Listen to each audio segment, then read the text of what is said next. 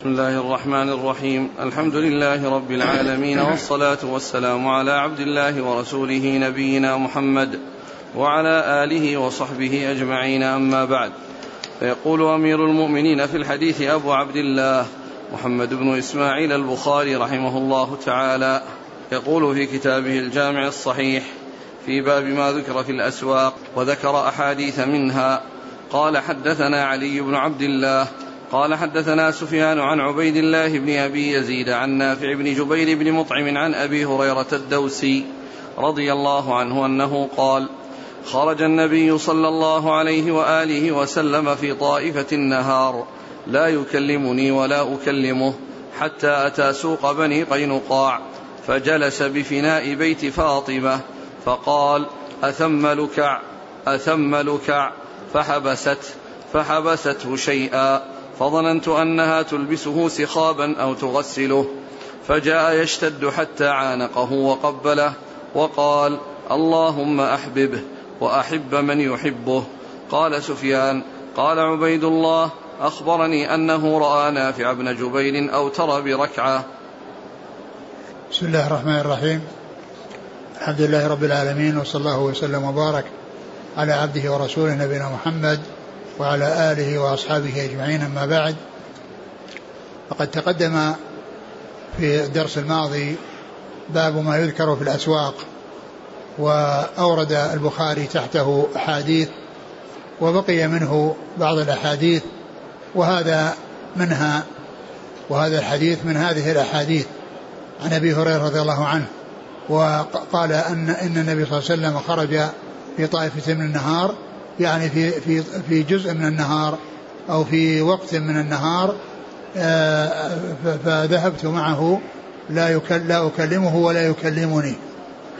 حتى أتى سوق بني قينقاع. وهذا هو محل الشاهد من إيراد الحديث لأنه فيه ذكر السوق. فيه ذكر السوق وفيه ذهاب النبي صلى الله عليه وسلم إلى السوق. وفيه ذهاب النبي صلى الله عليه وسلم إلى هذه السوق.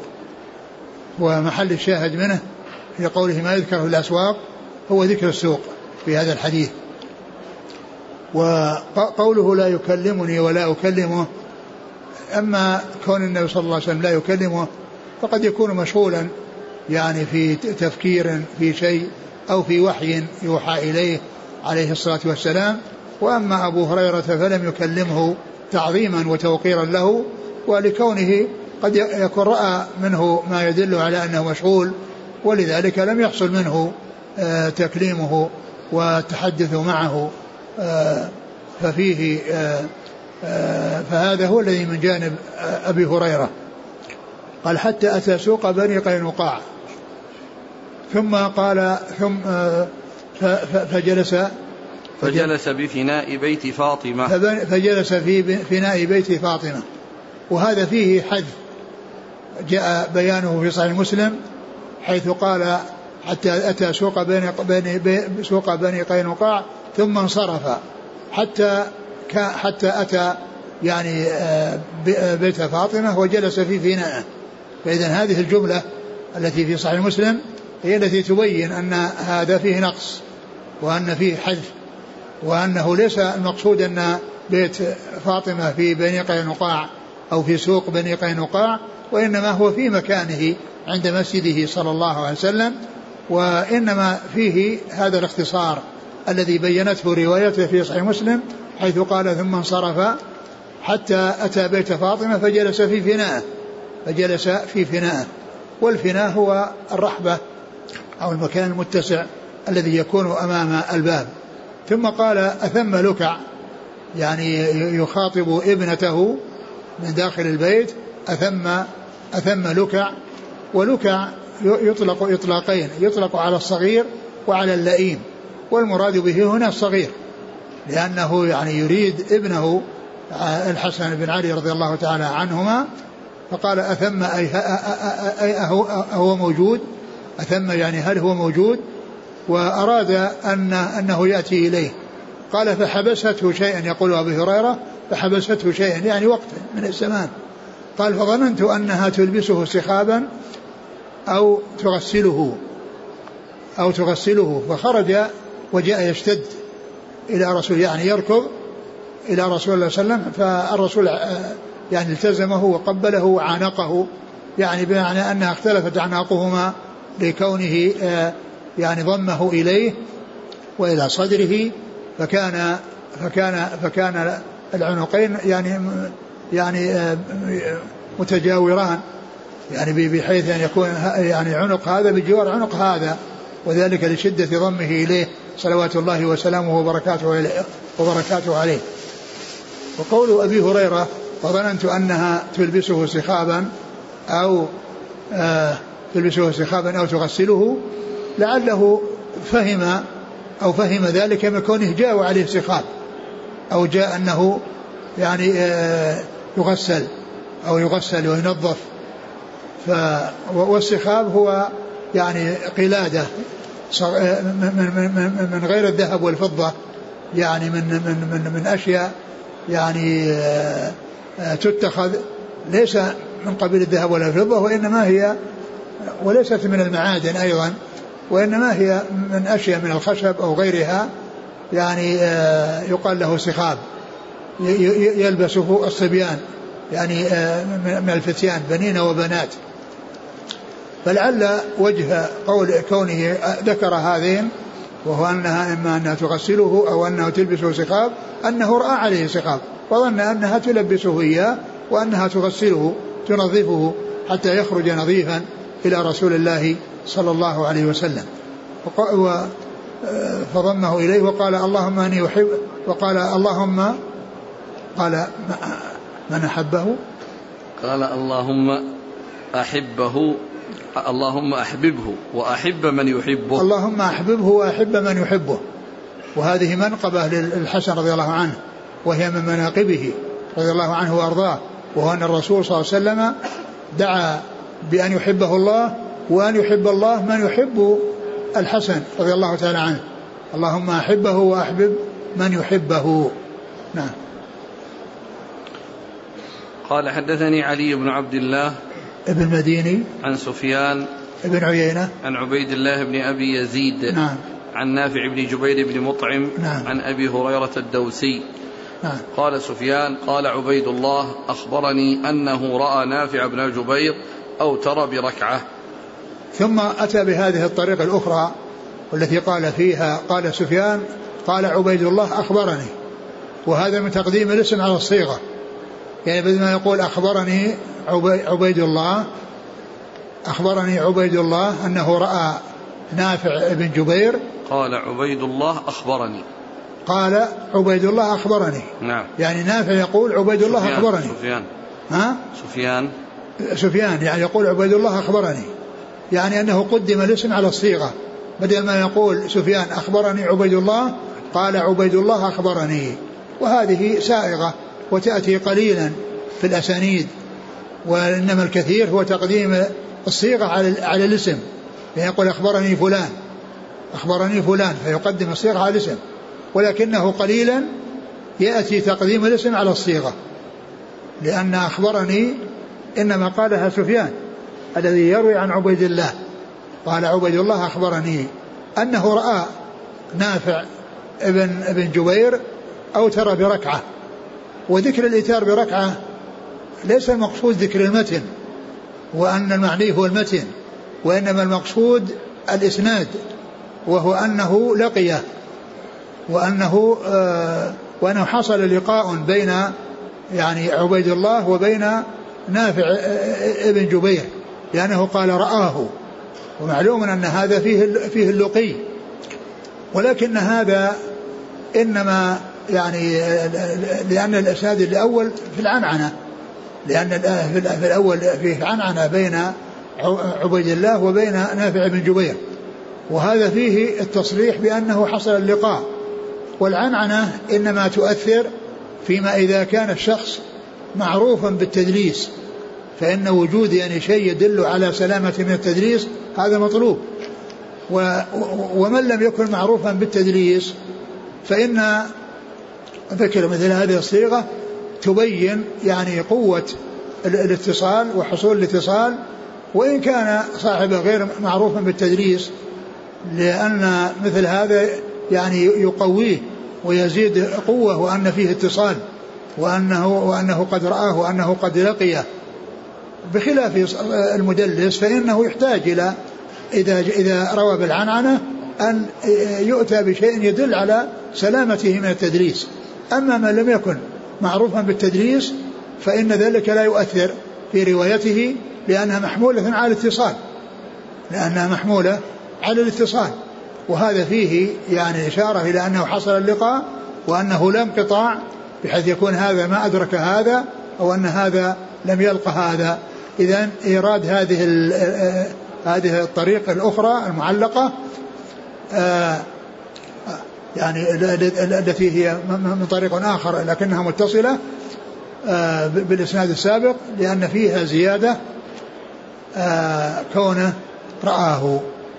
يعني فمعنى ذلك أنه يكون الحديث يعني لا لا لا, لا مجال فيه للانقطاع وإن كان التدليس لا يضر يعني آه، أو لا يحتاج إليه يعني مع من لم يكن معروفا التدليس ذكر الاتصال ليس معروفا ولكنه لا شك أن فيه قوة وأن فيه آه، حصول آه، التلاقي وأنه لا يعني مجال لأن يكون فيه انقطاع لأن الاتصال والاتصال حاصل لأنه دل على أنه رآه في هذه الرواية.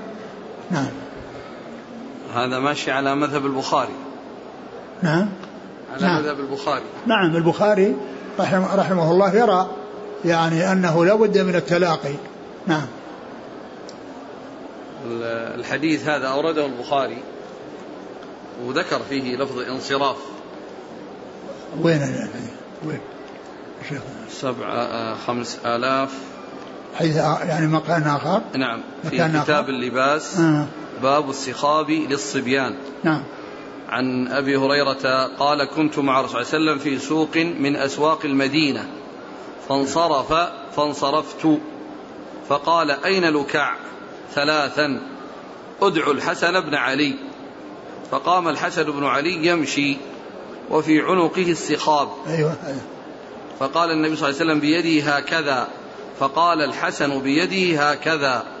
فالتزمه. يعني, يعني يوصف يعني إنه يعني مد يده مثل ما هو موجود إذا كان الطفل يعني يريد أبوه انه يأتي إليه يمد يديه ثم ذاك يأتي يركض ثم يحتضن كل منهما الآخر. نعم. فالتزمه فقال اللهم إني أحبه فأحبه وأحب من يحبه. نعم.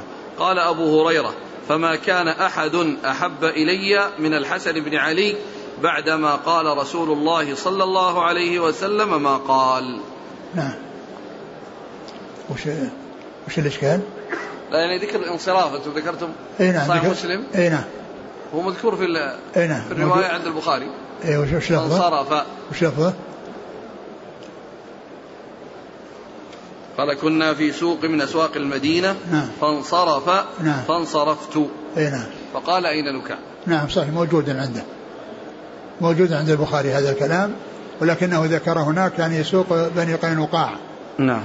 ثم قال بعده فجلس, فجلس في فناء بيت فاطمة. وهذا قد يفهم منه أن بيت فاطمة هناك وهو ليست هناك ولكن الرواية هذه والرواية التي في صحيح مسلم نفسها في قضية السياق قال فانصرف حتى جاء في فناء بيت فاطمة.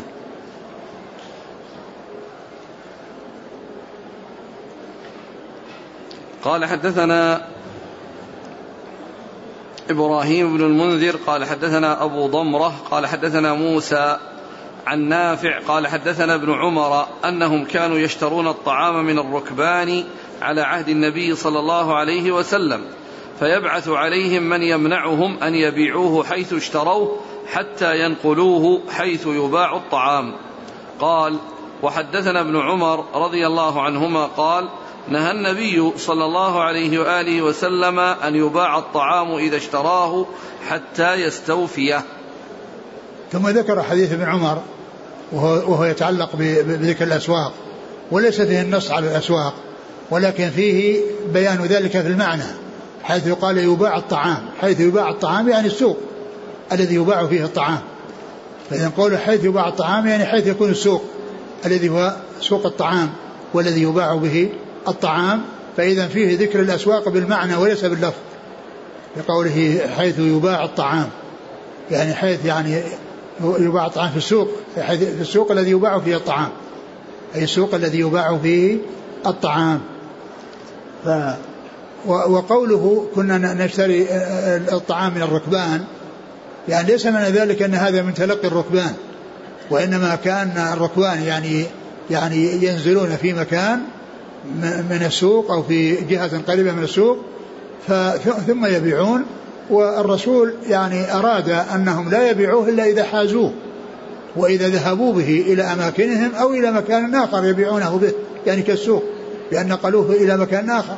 ليس بلازم الإنسان إذا اشترى سلعة يعني أنه يذهب بها إلى بيته ويدخلها في بيته وإنما يعني ينقلها من المكان الذي حصل فيه البيع إلى إلى مكان آخر سواء كان بيته أو غير بيته. وأنه يعني لا يباع الطعام في المكان الذي يكون فيه حصل شراؤه وإنما ينقل ثم بعد ذلك يباع. وهذا الذي جاء في روايات عديدة أنه يعني حتى يحوزه إلى رحالهم أي, أي, أي بيوتهم أو دكاكينهم أو ما إلى ذلك. نعم. كانوا يشترون الطعام من الركبان على عهد النبي صلى الله عليه وسلم فيبعث عليهم الركبان الركبان الذين يأتون بالطعام ويجلبونه وينزلون في مكان من السوق أو قريب من السوق يبيعونه.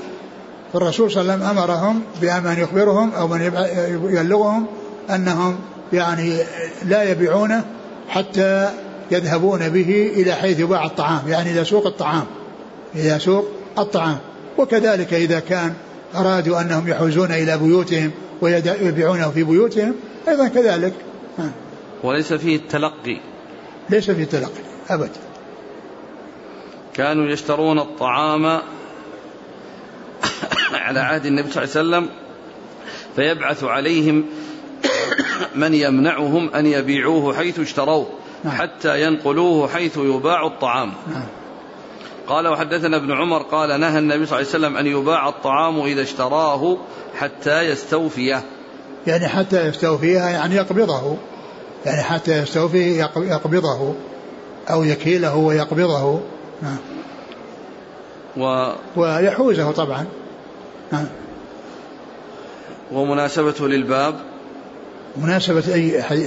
هذا الأخير. الأخير يعني آه أن كأنه يعني مثل مثل ال ال الذي قبله وأن فيه يعني ذكر الاستيفاء والاستيفاء يعني بقبضه ونقله. نعم. قال قد استشكل إدخال هذا الحديث في باب الأسواق وأجيب بأن السوق اسم لكل مكان وقع فيه التبايع بين من يتعاطى البيع. فلا يختص الحكم المذكور بالمكان المعروف بالسوق بل يعم كل مكان يقع فيه التبايع. فالعموم في قوله في الحديث حيث يباع الطعام نعم. قال حدثنا إبراهيم بن المنذر نعم. المدني عن أبي ضمرة نعم. أنس بن عياض نعم. المدني عن موسى بن عقبة المدني عن نافع عن ابن عمر نعم قال رحمه الله تعالى باب كراهية السخب في السوق قال حدثنا محمد بن سنان قال حدثنا فليح قال حدثنا هلال عن عطاء بن يسار قال لقيت عبد الله بن عمرو رضي عمرو عبد الله لقيت عبد الله بن عمرو بن العاص رضي الله عنهما قلت أخبرني عن صفة رسول الله صلى الله عليه وآله وسلم في التوراة. قال أجل والله إنه لموصوف في التوراة ببعض صفته في القرآن. يا أيها النبي إنا أرسلناك شاهدا ومبشرا ونذيرا وحرزا للأميين. أنت عبدي ورسولي. سميتك المتوكل. ليس بفض ولا غليظ. ولا سخاب في الأسواق. ولا يدفع بالسيئة السيئة. ولكن يعفو ويغفر. ولن يقبضه الله حتى يقيم به الملة العوجاء. بأن يقولوا لا إله إلا الله. ويفتح به أعينا عميا. وآذانا صما. وقلوبا غلفا. تابعه عبد العزيز بن أبي سلمة عن هلال وقال سعيد عن هلال عن عطاء عن ابن سلام. غلف كل شيء في غلاف. سيف أغلف وقوس غلفاء ورجل أغلف إذا لم يكن مختونا ثم ذكر باب كراهية السخب كراهية السخب في الأسواق. يعني السخب هو الصخب. يعني السخب هو الصخب. يعني ومعناها أنه ارتفاع الصوت وحصول آه، الأصوات المرتفعة والمزعجة فإن هذا يقال له سخب وصخب بالسين وبالصاد. آه، وطبعا وهذا شيء مذموم وهو من الصفات المذمومة. والرسول صلى الله عليه وسلم يعني كان يأتي الأسواق ولكنه لا لا يكون سليم من من هذه الصفة وهي الصخب وارتفاع الصوت في الأسواق بل هو منزه من ذلك صلوات الله وسلامه وبركاته عليه وهذا من صفاته أنه كان يأتي الأسواق وهذا من تواضعه صلى الله عليه وسلم ومع كونه يذهب الأسواق فإنه على على أحسن ما يكون لأنه القدوة والأسوة لأمته صلى الله عليه وسلم ولم يكن سخابا في الأسواق. وقد أورد الحديث هذا الذي عن عبد الله بن عمرو الذي أنه سئل عن صفة رسول الله صلى الله عليه وسلم في التوراة فقال إنه موصوف في التوراة بشيء مما جاء في القرآن. يا أيها النبي إنا أرسلناك شاهدا ومبشرا ونذيرا وداعيا إلى الله بإذنه وسراجا وداعيا إلى الله. إنا أرسلناك شاهدا ومبشرا ونذيرا وحرزا نعم. للأميين. شاهدا ومبشرا ونذيرا وحرزا للأميين. يعني حرز يعني حفظ. لأن الحرز هو المكان الذي يحفظ فيه شيء. والرسول صلى الله عليه وسلم يعني حرز لهم لأنه أتاهم بالخير الذي به سلامتهم وفيه آه، بعدهم عن الأمور المنكرة لأنه جاء بالحق والهدى صلوات الله وسلامه وبركاته عليه فهو حرز لهم. حرز الأميين أنت عبدي ورسولي سميتك المتوكل. نعم وهذا من من صفاته ومن أخص صفاته أنه المتوكل على الله على الله سبحانه وتعالى وهو سيد المتوكلين عليه الصلاة والسلام. نعم. ليس بفض ولا غليظ ولا سخاب في الأسواق. ليس بفض ولا غليظ يعني عنده غلظة وجفا و, و وكما قال الله فبما رحمة من الله لنت لهم ولو كنت فظا غليظ القلب لانفضوا من حولك. ولا سخاب في الأسواق. يعني آه، آه، رافعا للصوت. يعني الذي هو صخب. وهذا هو محل الشاهد من إيراد هذا الحديث. هذه الجملة سخاب في الأسواق. هي المطابقة للترجمة. ولا يدفع بالسيئة السيئة ولكن يعفو ويغفر. يعني لا يعني يجازي على السيئة بالسيئة وإنما يعفو ويغفر عليه الصلاة والسلام. ولن يقبضه الله حتى يقيم به الملة العوجاء بأن يقولوا لا إله إلا الله. والملة العوجاء هي الذي كان عليه العرب وكان عليه الكفار من عبادة الأوثان بأن يقيمهم بأن يتركوا هذا الذي هم عليه. من عبادة غير الله ويقولوا لا إله إلا الله فيكونوا بذلك تحولوا من الإشراك بالله عز وجل إلى إخلاص العبادة لله عز وجل. ولهذا أول ما بعثه الله كان يطوف في القبائل ويقول يا أيها الناس قولوا لا إله إلا الله تفلحوا. يا أيها الناس قولوا لا إله إلا الله تفلحوا. وصفها بأنها عوجة لأنها مائلة عن الحق. والحق يعني هو المستقيم. يعني كما قال الله عز وجل أن هذا صراط مستقيم فاتبعوه ولا تتبعوا السبل فتفرق بكم عن سبيله. ذلكم وصاكم به لعلكم تتقون. فالذي كانوا عليه لا شك أنه ضلال وعمى وعوج وهذا الذي كانوا عليه يقيمهم حتى يتحولوا من هذا العوج إلى الاستقامة بسلوك المسلك القويم الذي جاء به رسول الله صلوات الله وسلامه وبركاته عليه. وقد حصل ذلك فإنهم دخلوا في دين الله أفواجا وأخرجهم الله به من الظلمات إلى النور وحصل لهم حصلت لهم الهداية والسعادة التي هي بدخولهم في الإسلام وهدايتهم إلى الصراط المستقيم وهذه نعم أعظم نعمة أنعم الله بها على المسلمين بأن هداهم إلى الإسلام وأخرجهم من الظلمات إلى النور نعم.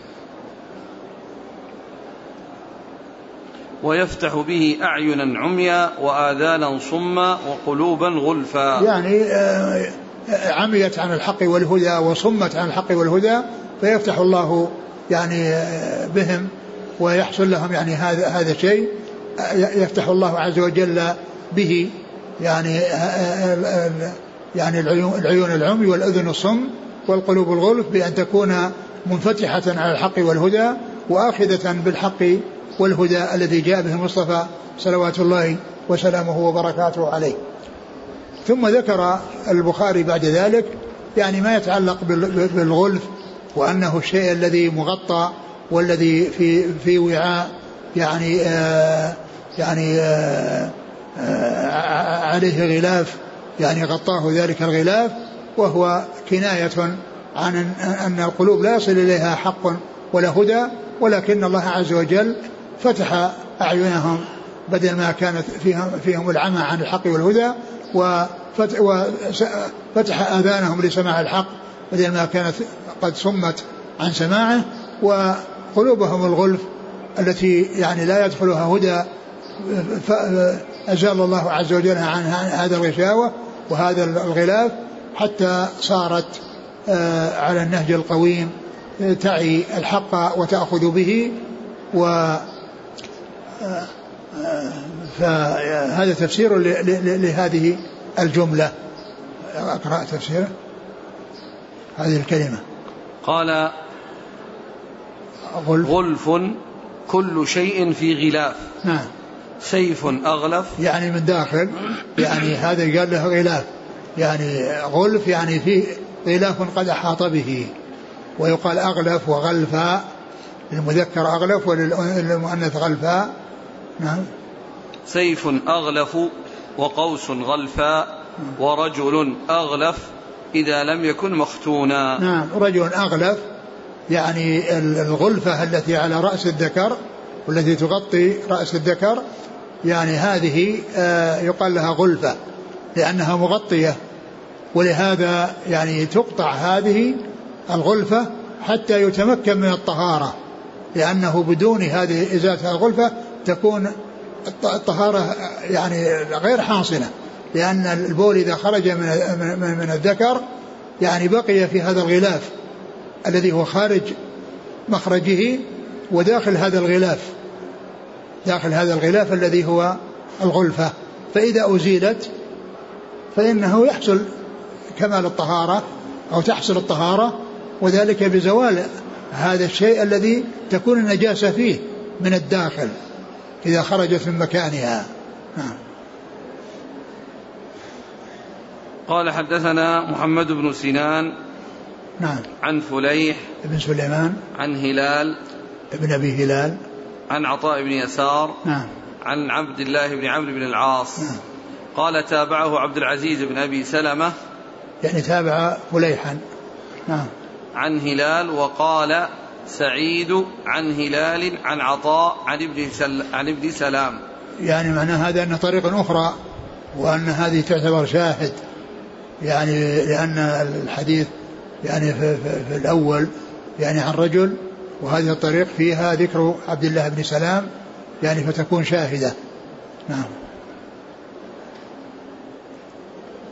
تابعه العزيز بن أبي سلام عن هلال. وقال سعيد سعيد بن ابن سعيد بن قال ابن أبي هلال. آه نعم. عن هلال. نعم. ابن أبي هلال إذا يكون أخوه. نعم نعم نعم. عن عطاء عن ابن سلام. نعم. خالف. يعني معناه أنه ذكر صحابي آخر. مم. يعني صحابي آخر غير الصحابي الأول اللي هو عبد الله بن عمرو. نعم, نعم. آه، هنا بارك الله فيك. قال عطاء بن يسار لقيت عبد الله بن عمرو بن العاص قلت أخبرني عن صفة رسول الله صلى الله عليه وسلم في التوراة. قال أجل. والله إنه لمنصوف في التوراة. الحديث سيأتي في كتاب التفسير في تفسير هذه الآية في سورة الفتح. قال عن عطاء بن يسار عن عبد الله بن بن العاص إن هذه الآية التي في القرآن يا أيها النبي إنا أرسلناك شاهدا وبشرا ونذيرا. قال في التوراة يا أيها النبي إنا أرسلناك شاهدا وبشرا ونذيرا وحرزا للأميين. إلى آخره. يعني هذه الآية ليس المقصود بهذا اللفظ الذي هو العربي وإنما هو بلغتهم أو بلغة ال ال ال القوم والرسول الذي أرسل إليهم كما قال الله عز وجل وما أرسلنا من رسول إلا بلسان قومه ليبين لهم. يعني فإذا ذكر أن هذا في التوراة لا يعني ذلك أن هذه الصيغة التي في القرآن والتي في السنة ذكرها وبهذه اللفظ العربي ليس المقصود أنها موجودة بهذا اللفظ وإنما هو موجودة بلسانهم وهذا هو معناها. نعم. تنبيه على الطلاب. المطلوب من الطلاب الذين يأخذون المساعدات والزكوات أن كل واحد منهم يكتب ورقة فيها اسمه ويعني بلده وتوقيعه وتاريخ اليوم وإذا كان لا يستحق الزكاة فيقول فيكتب يضاف إلى ذلك أنني لا أريد شيء من الزكاة. لأن في زكاة وغير زكاة. فيه يعني مساعدات تحصل لكل أحد لكل لكل دارس وفيه زكاة لا يستحقها إلا أهل الزكاة. نعم. الحافظ بن حجر قال يعني ومما جاء يعني المقصود أن أربعة مطلوبة. الاسم والبلد والتوقيع وتاريخ اليوم. نعم. قال الحافظ بن حجر ومما جاء عنه في ذلك مجملا ما أخرجه الترمذي من طريق محمد بن يوسف بن عبد الله بن سلام عن أبيه عن جده قال مكتوب في التوراة صفة محمد صلى الله عليه وسلم وعيسى بن مريم يدفن معه. إيه هذا حديث ضعيف. هذا في هذا حديث ضعيف. فيه رجل يعني قال عنه الحافظ انه إنه ضعيف في التقريب. يعني هو الذي يروي عن عن هذا الذي ذكر منه. محمد بن يوسف. نعم. عبد الله بن سلام. نعم الذي يروي عنه. يعني ما أتذكر لكن أنه ضعيف. قال رحمه الله تعالى باب الكيل على البائع والمعطي لقول الله تعالى وإذا كالوهم أو وزنوهم يخسرون. يعني كالوا لهم ووزنوا لهم. كقوله يسمعونكم يسمعون لكم. وقال النبي صلى الله عليه وسلم اكتالوا حتى تستوفوا. ويذكر عن عثمان رضي الله عنه أن النبي صلى الله عليه وسلم قال له إذا بعت فكل. وإذا ابتعت فاكتل. قال حدثنا عبد الله بن يوسف قال أخبرنا مالك عن نافع عن عبد الله بن عمر رضي الله عنهما أن رسول الله صلى الله عليه وسلم قال من ابتاع طعاما فلا يبيعه فلا يبيعه حتى يستوفيه. من ابتاع؟ فمن ابتاع طعاما فلا يبيعه حتى يستوفيه. ثم ذكر هذه الترجمة وهي باب الكيل على البائع والمعطي. الكيل على البائع والمعطي أي أن هذه المؤونة والمهمة التي هي مهمة الكيل يتولاها البائع والمعطي. الباذل الذي يبذل الشيء هو الذي يكيله والذي يبيع الشيء هو الذي يكيله. فهو يعني من مؤونة البائع والمعطي الذي يعني يعني يتولى الإعطاء لغيره وهو يعني آه، يعني عم من أن يكون يعني بيعا أو غير بيع. لكن من يعطي الشيء سواء كان بائعا أو غير بائع فإنه هو الذي يتولى مهمة الكيل ويقوم بمهمة بمؤونة الكيل. قال بعد. الكيل على البائع والمعطي لقول الله تعالى وإذا كالوهم أو وزنوهم يقصرون وإذا كالوهم أو وزنوهم. يعني هذا يعني معناه يعني البائع. أو المعطي الذي يعطي الشيء فإنه يخسر الميزان ويخسر الكيل. يخسر يخسر الكيل والميزان فينقص المكيال وينقص الميزان. وهذا هذا هو التطفيف. والمطففين الذين إذا اكتالوا على الناس يستوفون يعني يطلبون حقهم كاملا.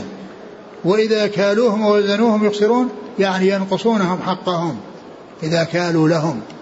فإنهم لا يوفون الكيل ولا يوفون الميزان ولا يوفون الميزان وإنما يحصل منهم النقصان إن كان الحق لهم أخذوه كاملا ولم يسمحوا بشيء من النقص فيه وإن كان له, له يعني لغيرهم أعطوه ناقصا. أعطوه ناقصا. إيش قال؟ كالوهم أو وزنوهم يخسرون يعني كالوا لهم. نعم كالوا ووزنوا لهم. نعم. كقوله يسمعونكم. يسمعون لكم. نعم.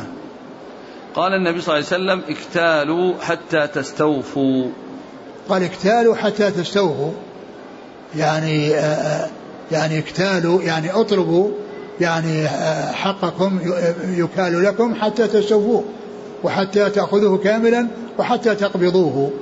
لأن الكيل إنما هو على البائع والمعطي الذي يعطي الشيء فإنه يكيل للمعطى والبائع يكيل للمشتري.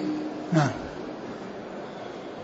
ويذكر عن عثمان رضي الله عنه أن النبي صلى الله عليه وسلم قال له إذا بعت فكل وإذا ابتعت فاكتل. يعني إذا بعت فكل يعني قم بالكيل وتولى الكيل وإذا بعت فاكتل يعني اطلب الاكتيال يعني أو الكيل من من من من ممن باعك.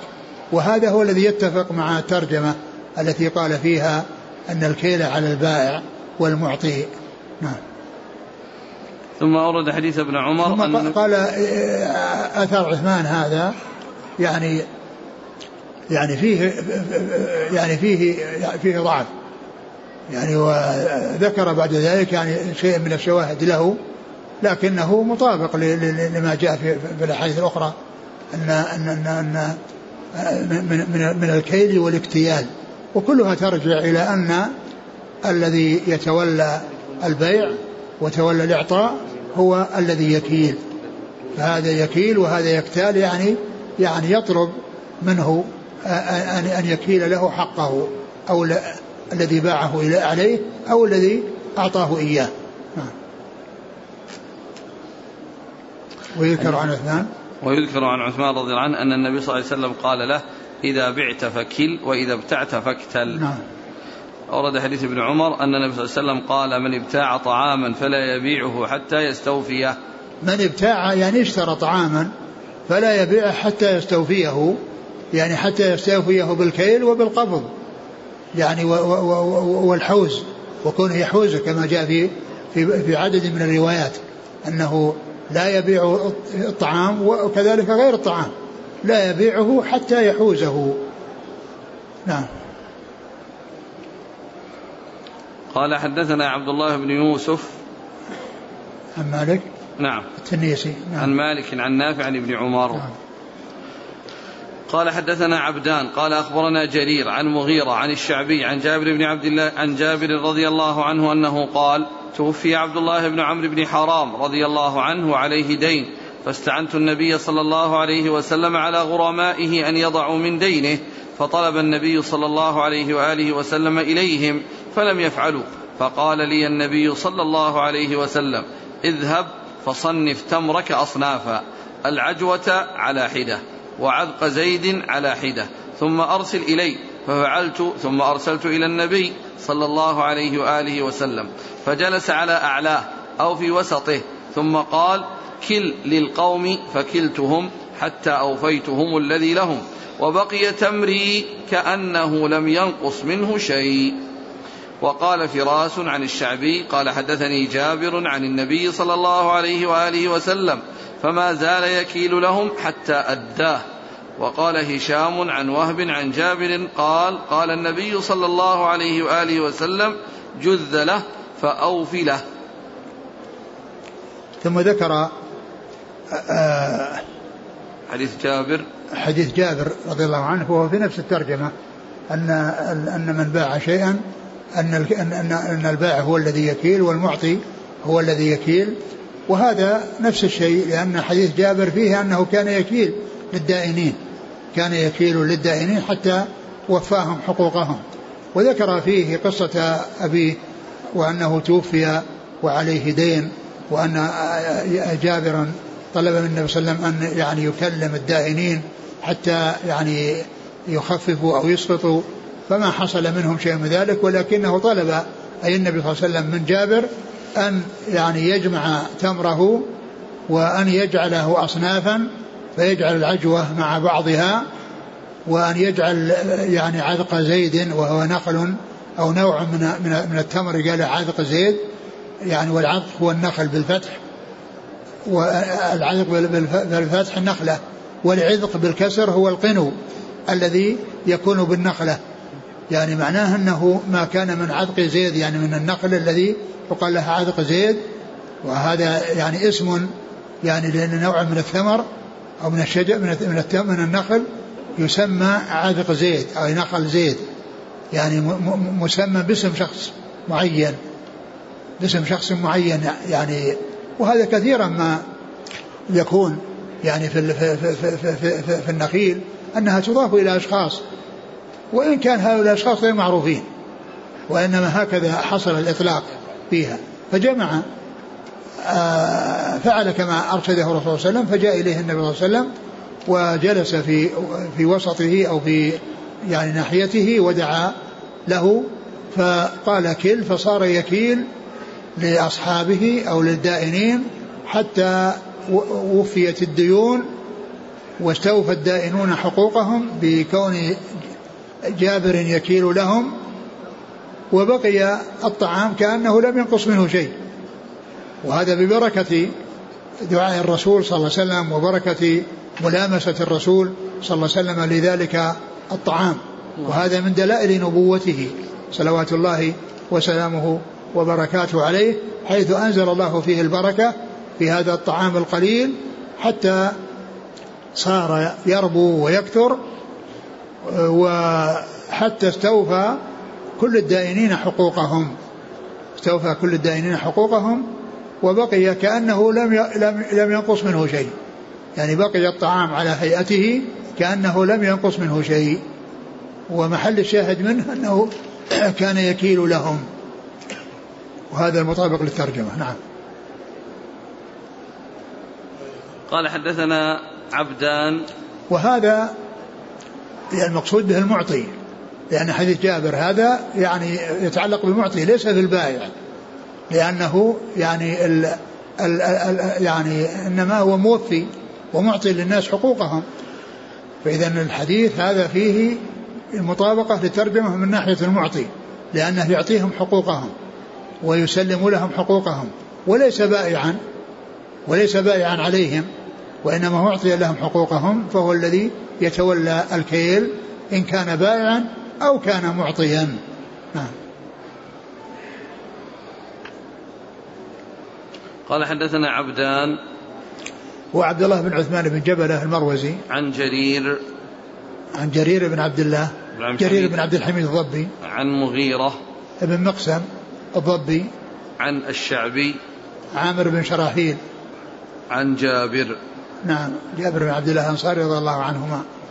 وقال فراس فراس بن, يحيى المكتب نعم. عن الشعبي قال حدثني جابر عن النبي صلى الله عليه وسلم. نعم. وقال هشام عن وهب عن جابر. هشام بن عروة, عروة عن وهب بن كيسان عن جابر عن جابر. نعم. هنا قال في الحديث أنه يعني اذهب فصنف تمرك أصنافا. نعم. يعني جذها العجوة على نعم، حدة جذها نعم. ها طيب. آه في رواية وقال هشام عن وهب عن جابر قال النبي صلى الله عليه وسلم جذ له فأوفي له. يعني كان هذا شخص معين. يعني من الدائنين. طيب. الحديث سيأتي في الاستقراض. آه قال فأبوا أن يحللوا أبي فلم يعطهم النبي صلى الله عليه وسلم حائطي. فلم؟ فلم يعطهم النبي صلى الله عليه وسلم حائطي. وقال لم يعطهم النبي صلى الله عليه وسلم حائطي. اي نعم نعم. يعني بأنهم يأخذونه ويستوفون منه. نعم. وقال سنغدو عليك.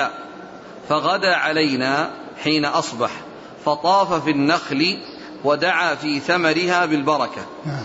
فجددتها فقضيتهم وبقي لنا من تمرها يعني هذا هذا فيه زيادة توضيح أنه طاف بالنخل ودعا لكن هذا الحديث الذي معنا فيه ويمكن أن يكون حصل الأمرين أنه طاف بالنخل وأيضا جلس في الطعام وقال يعني فيكون الأمرين حصل كان طاف بالطعام ودعا طاف بالنخل ودعا قبل أن يجذ وطاف به بعد أن جذ نعم. وجلس يعني عنده أو حوله أو في وسطه بعدما جذ نعم. ثم أورد الحديث مرة أخرى قال أن أباه توفي وترك عليه ثلثين ترك عليه ثلاثين وسقا لرجل من اليهود فاستنظره جابر فأبى أن ينظره. فكلم جابر رسول الله صلى الله عليه وسلم ليشفع له إليه. فجاء رسول الله صلى الله عليه وسلم وكلم اليهودي ليأخذ ثمر نخله بالذي له. فأبى. فدخل رسول الله صلى الله عليه وسلم النخل فمشى فيها. ثم قال لجابر جد له فأوفي له الذي له. فجده بعدما رجع رسول الله صلى الله عليه وسلم فأوفاه ثلاثين وسقا وفضلت له سبعة عشر وسقا فجاء جابر فجاء جابر رسول الله صلى الله عليه وسلم ليخبره بالذي كان فوجده يصلي العصر فلما انصرف أخبره بالفضل فقال أخبر ذلك ابن الخطاب. فذهب جابر إلى عمر فأخبره فقال له عمر لقد علمت حين مشى فيها رسول الله صلى الله عليه وسلم ليباركن فيها. يعني كأن السبعة عشر الباقية هذه حصل فيها تسديد الباقين يعني بعد اليهودي هذه وين ذكرها؟ كلها ستأتي في باب كتاب الاستقراض آه. 2395 2396 آه. الحديث له واحد اثنين ثلاثة أربعة خمسة ستة سبعة ثمانية تسعة أطراف نعم قال رحمه الله تعالى باب ما يستحب من الكيل قال حدثنا إبراهيم بن موسى قال حدثنا الوليد عن ثور عن خالد بن معدان عن المقدام بن معد كرب رضي الله عنه عن النبي صلى الله عليه وآله وسلم أنه قال كيلوا طعامكم يبارك لكم. باب ما يستحب من, الكيل. باب ما يستحب من الكيل. يعني هذا يحتمل أمرين. قوله كيلوا طعامكم أي أنهم يعني عندما يعني يريدون أن يأخذوا من الطعام الذي أعدوه للقنية والذي يستفيدون منه أنهم يستعملون الكيل عندما يأتون يأخذون منه بحيث يعني يضعون مقدارا معينا يعني يطبخونه لهم أو أن المقصود من ذلك كيلوه يعني عند الاستيفاء وعند الشراء فإنه يكال لأن الرسول صلى الله عليه وسلم دعا يعني في للمدينة في مكيالها في صاعها وفي مدها يعني فيكون ذلك يعني باستعمال الكيل من أجل ما جاء في دعاء النبي صلى الله عليه وسلم من البركة في الكيل في المدينة يعني بالصاع والمد الذي كان معروفا في زمانه صلى الله عليه وسلم.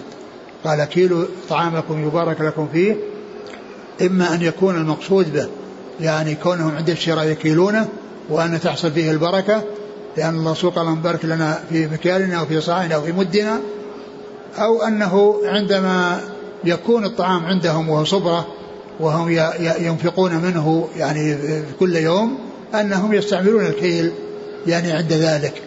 يحتمل هذا ويحتمل هذا. نعم. قال كيلو. طعامكم يبارك لكم. يبارك لكم. وهذا قد سبق يعني قد جاء في حديث عن عائشة رضي الله عنها أنها كان عندها طعام وكانت تأخذ منه وأنها بعد ذلك كالته لتعرف مقدار ما يبقى ففني وأنها قبل ذلك كانت تأخذ وهو تستمر في الأخذ ولما كالته فني يعني وهذا يوفق بينه وبين هذا أنها كالته للامتحان والاختبار إيش المقدار الباقي؟ فعرفته فصار كل يوم تأخذ حتى حتى فني وأنه آه، آه، يعني آه، وإنما هذا حصل عن طريق معرفة مقدار ما بقي واختبار الباقي وكم مقداره. وأما الأخذ منه يعني عند عند التقدير بتقدير عندما يصنعون الطعام وعندما يخرجون يأخذون من هذا الطعام لصنعه طعاما يأكلونه فإن هذا يخالف ما جاء في حديث عائشة لأن هذا يعني معناه أنهم يأخذون بالمكيال الذي دعا, له دعا فيه الرسول صلى الله عليه وسلم. وأما عائشة فإنما كالته لتعرف المقدار. ففني وانتهى يعني بعد بعد ذلك. نعم. قال حدثنا إبراهيم بن موسى نعم. عن الوليد ابن مسلم. عن ثور ابن يزيد. عن خالد بن معدان. نعم. عن المقدام بن معد كرب. نعم. قال رحمه الله تعالى باب بركة صاع النبي صلى الله عليه وآله وسلم ومدهم فيه عائشة رضي الله عنها عن النبي صلى الله عليه وآله وسلم. قال حدثنا موسى قال حدثنا وهيب قال حدثنا عمرو بن يحيى.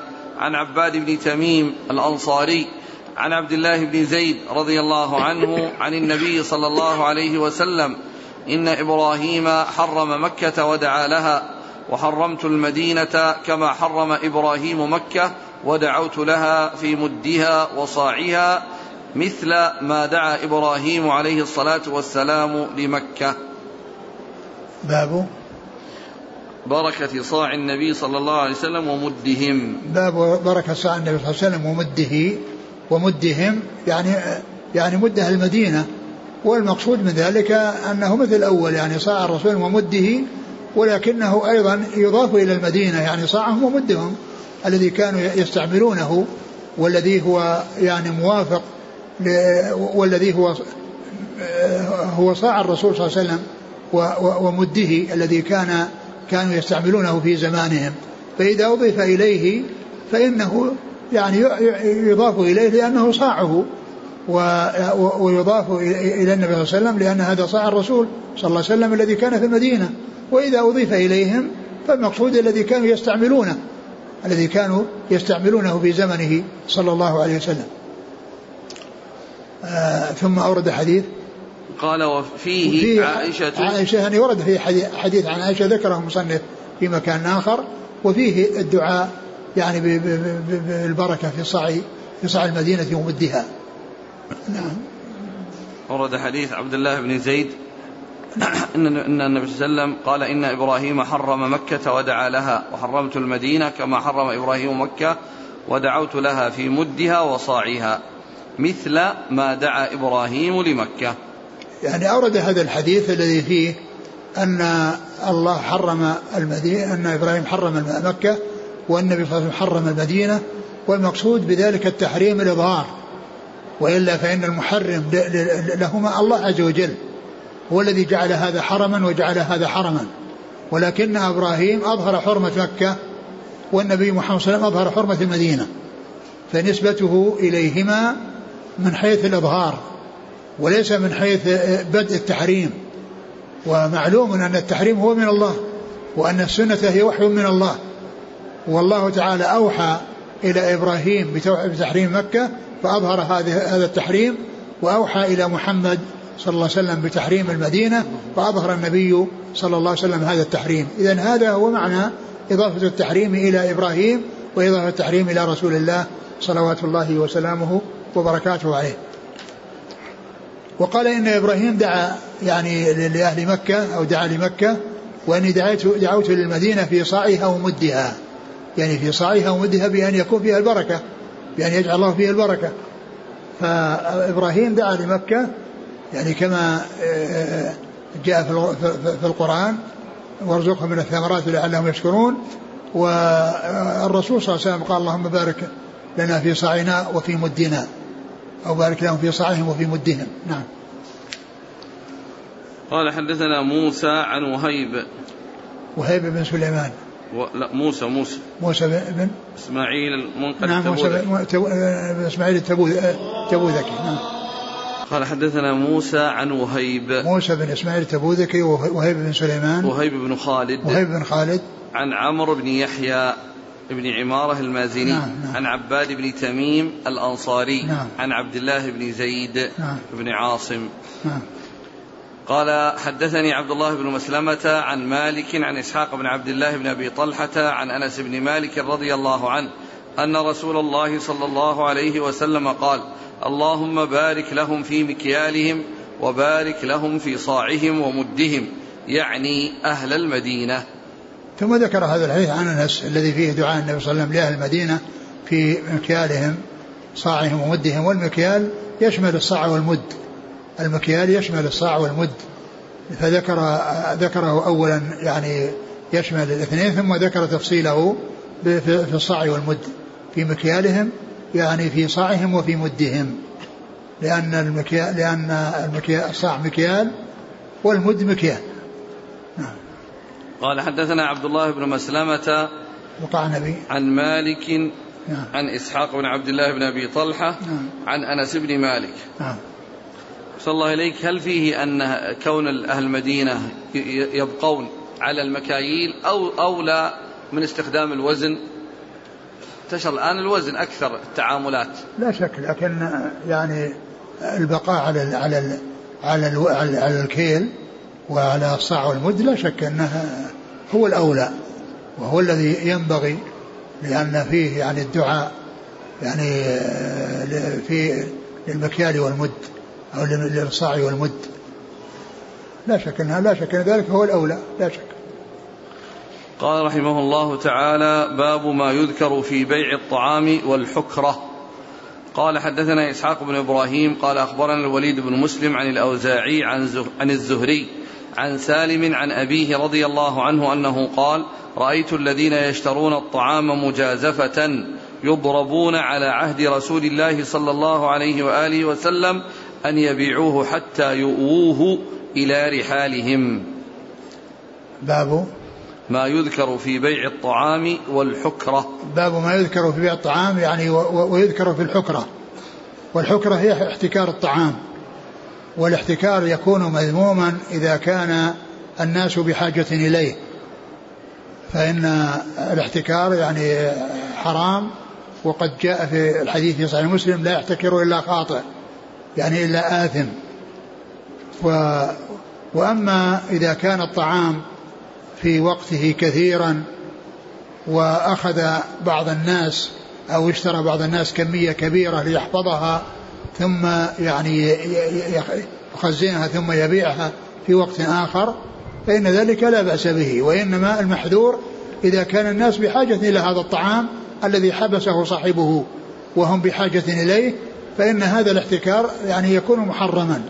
وأما إذا كان الطعام في وقته كثيرا وواسعا وبعض الناس اشترى من كمية وخزنها يعني مثل ما هو موجود يعني في وقت آه، الجذاذ يعني يدخر ويوضع في الثلاجات ثم إذا جاء رمضان أخرجوه يعني ليستفيد الناس منه.